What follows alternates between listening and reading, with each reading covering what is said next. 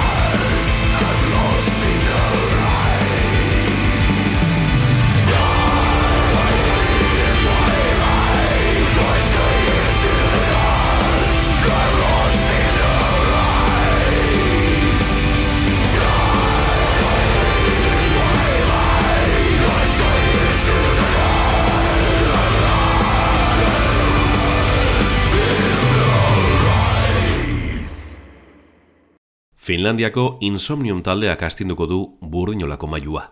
Kolpe hotza eta malenko niatxua izango da.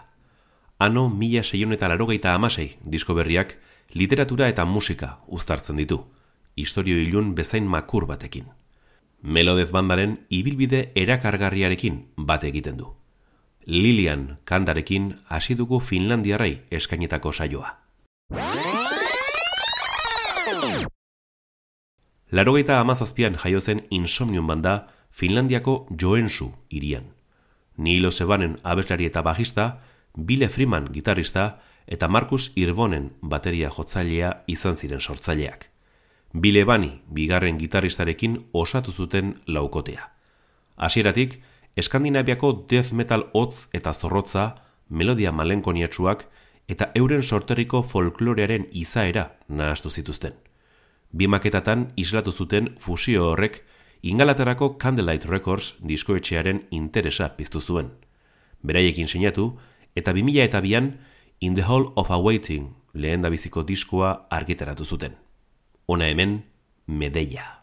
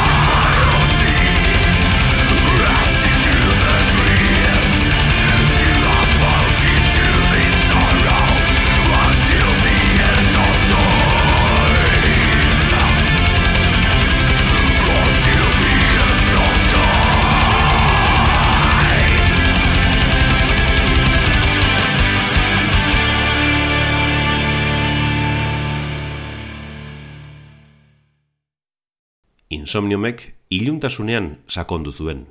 Death metal melodikoaren esparruan izen propioa lortzeko osagaiak barneratu zituzten. 2000 eta lauko Since the Day It All Came Down bigarren diskoarekin, are gehiago zehaztu zuten euren proposamena. Oihartzuna handitu eta kontzertuak ematen hasi ziren euren herrialdetik kanpo. Hau duzue, The Day It All Came Down.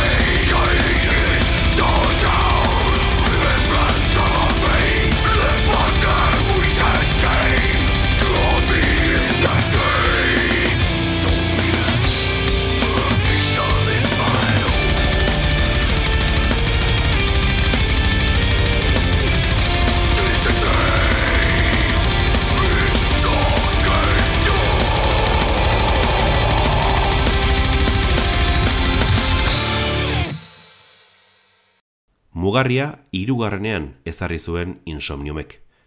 Ereindako hazia, 2000 eta seian loratu zen Above the Weeping World irugarren diskoarekin. Melodez propio eta bere izgarriaren oinarriak ezarri zituzten, agerian utziz aberatsa eskaini nahi zutena. Salmenta honak izan zituen Finlandian, eta lehen biziko bideoklipa aurkeztu zuten munduko txoko gehiagotara iristeko. Baita lortu ere. Europan eta Ipar Amerikan kontzertu bira esanguratsu bat egin zuten. Hona hemen, aipaturiko bideokliparen abestia. Mortal Share.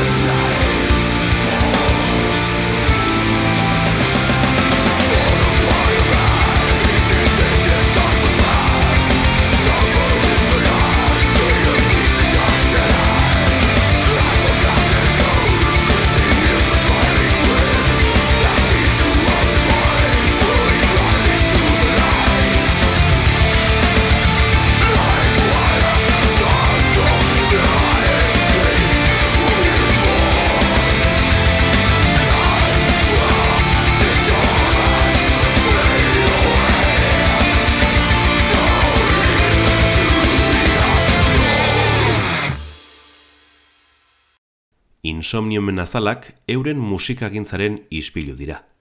Aurreneko hiru lanetan zuaitzak, lakuak, basoak, lambroa, gaua eta ilargia ageri dira.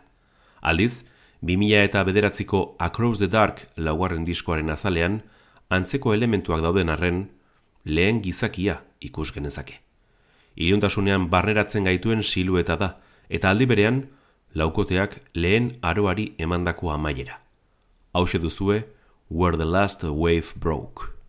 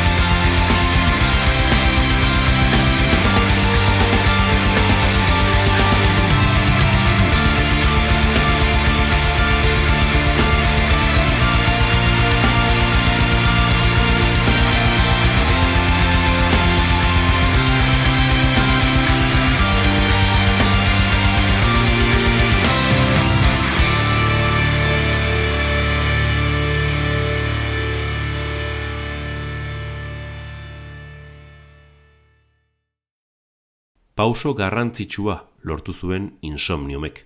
Hau da, Century Media diskoetxearekin sinatzea. Metal munduko ate gehiago birrindu zituzten Melodez zaindu eta erakargarriarekin. Izan ere, ordura arteko lanik borobilena kaleratu zuten 2000 eta amaikan. One for Sorrow bosgarren diskoa aparta. Single asko bideoklip bihurtu zituzten, eta beraientzat mesadegarria izan zen Dark Tranquilityko Michael Stein abeslariaren kolaborazioa. Jauzi nabarmena eman zuten, aro berria abiatzearekin batera. Ona hemen, Unsung.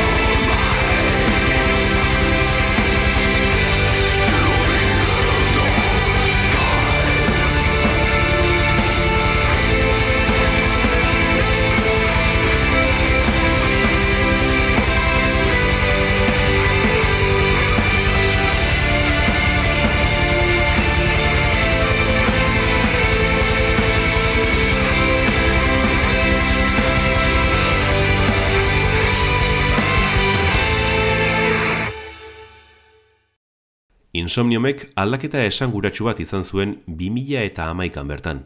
Bileban gitarristak taldea uztea erabaki zuen, eta haren ordez, Omnium Gazerumeko Marcus Van Hala gitarrista sartu zen.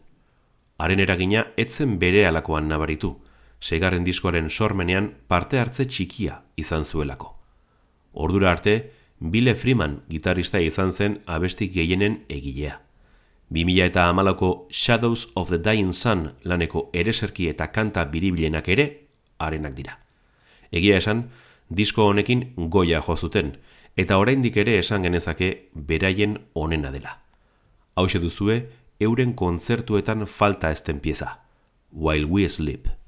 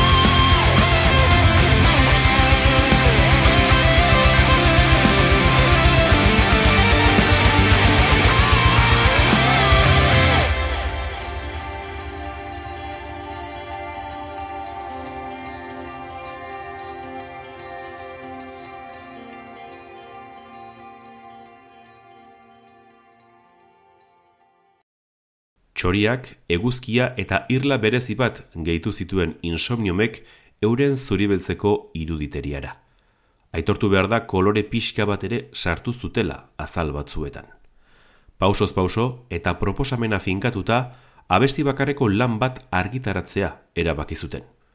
Hain zuzen ere, 2000 eta amaseiko Winter's Gate zazpigarren diskoa berrogei minutuko pieza kontzeptual bat da. Nilo Zebanen abeslari eta basu jotzailearen historio labur batean oinarrituta dago.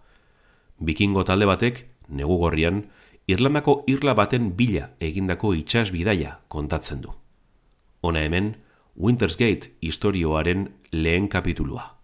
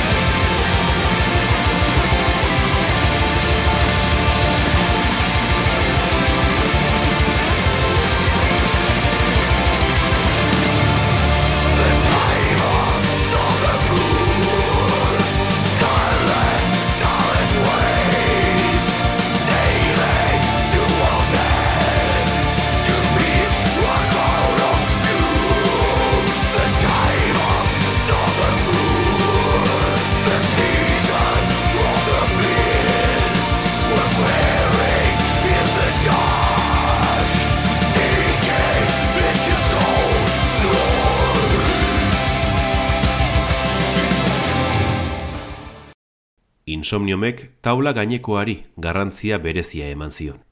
Horregatik, ordezko gitarista bilatu zuten kontzertu biretarako.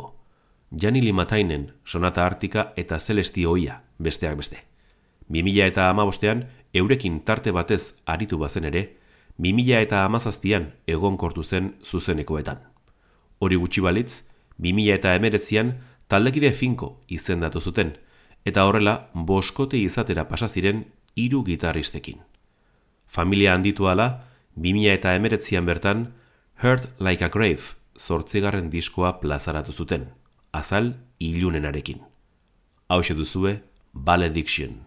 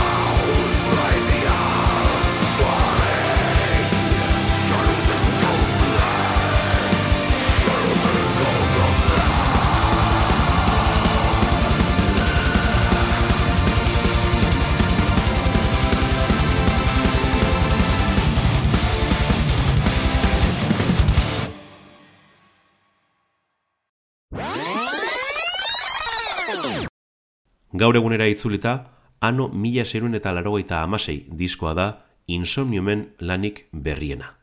Zebanen gidariak idatzetako kontakizun lapurrak askorako eman dio taldeari, baina askoz oparoagoa da bizkar gainean daramaten zama melodiko malenkoniatsu eta liluragarria. Finlandiarrei eskainetako programa amaitzeko disko berriko kanta bat hautatu dugu. The Witch Hunter. Urrengora arte, metalzale.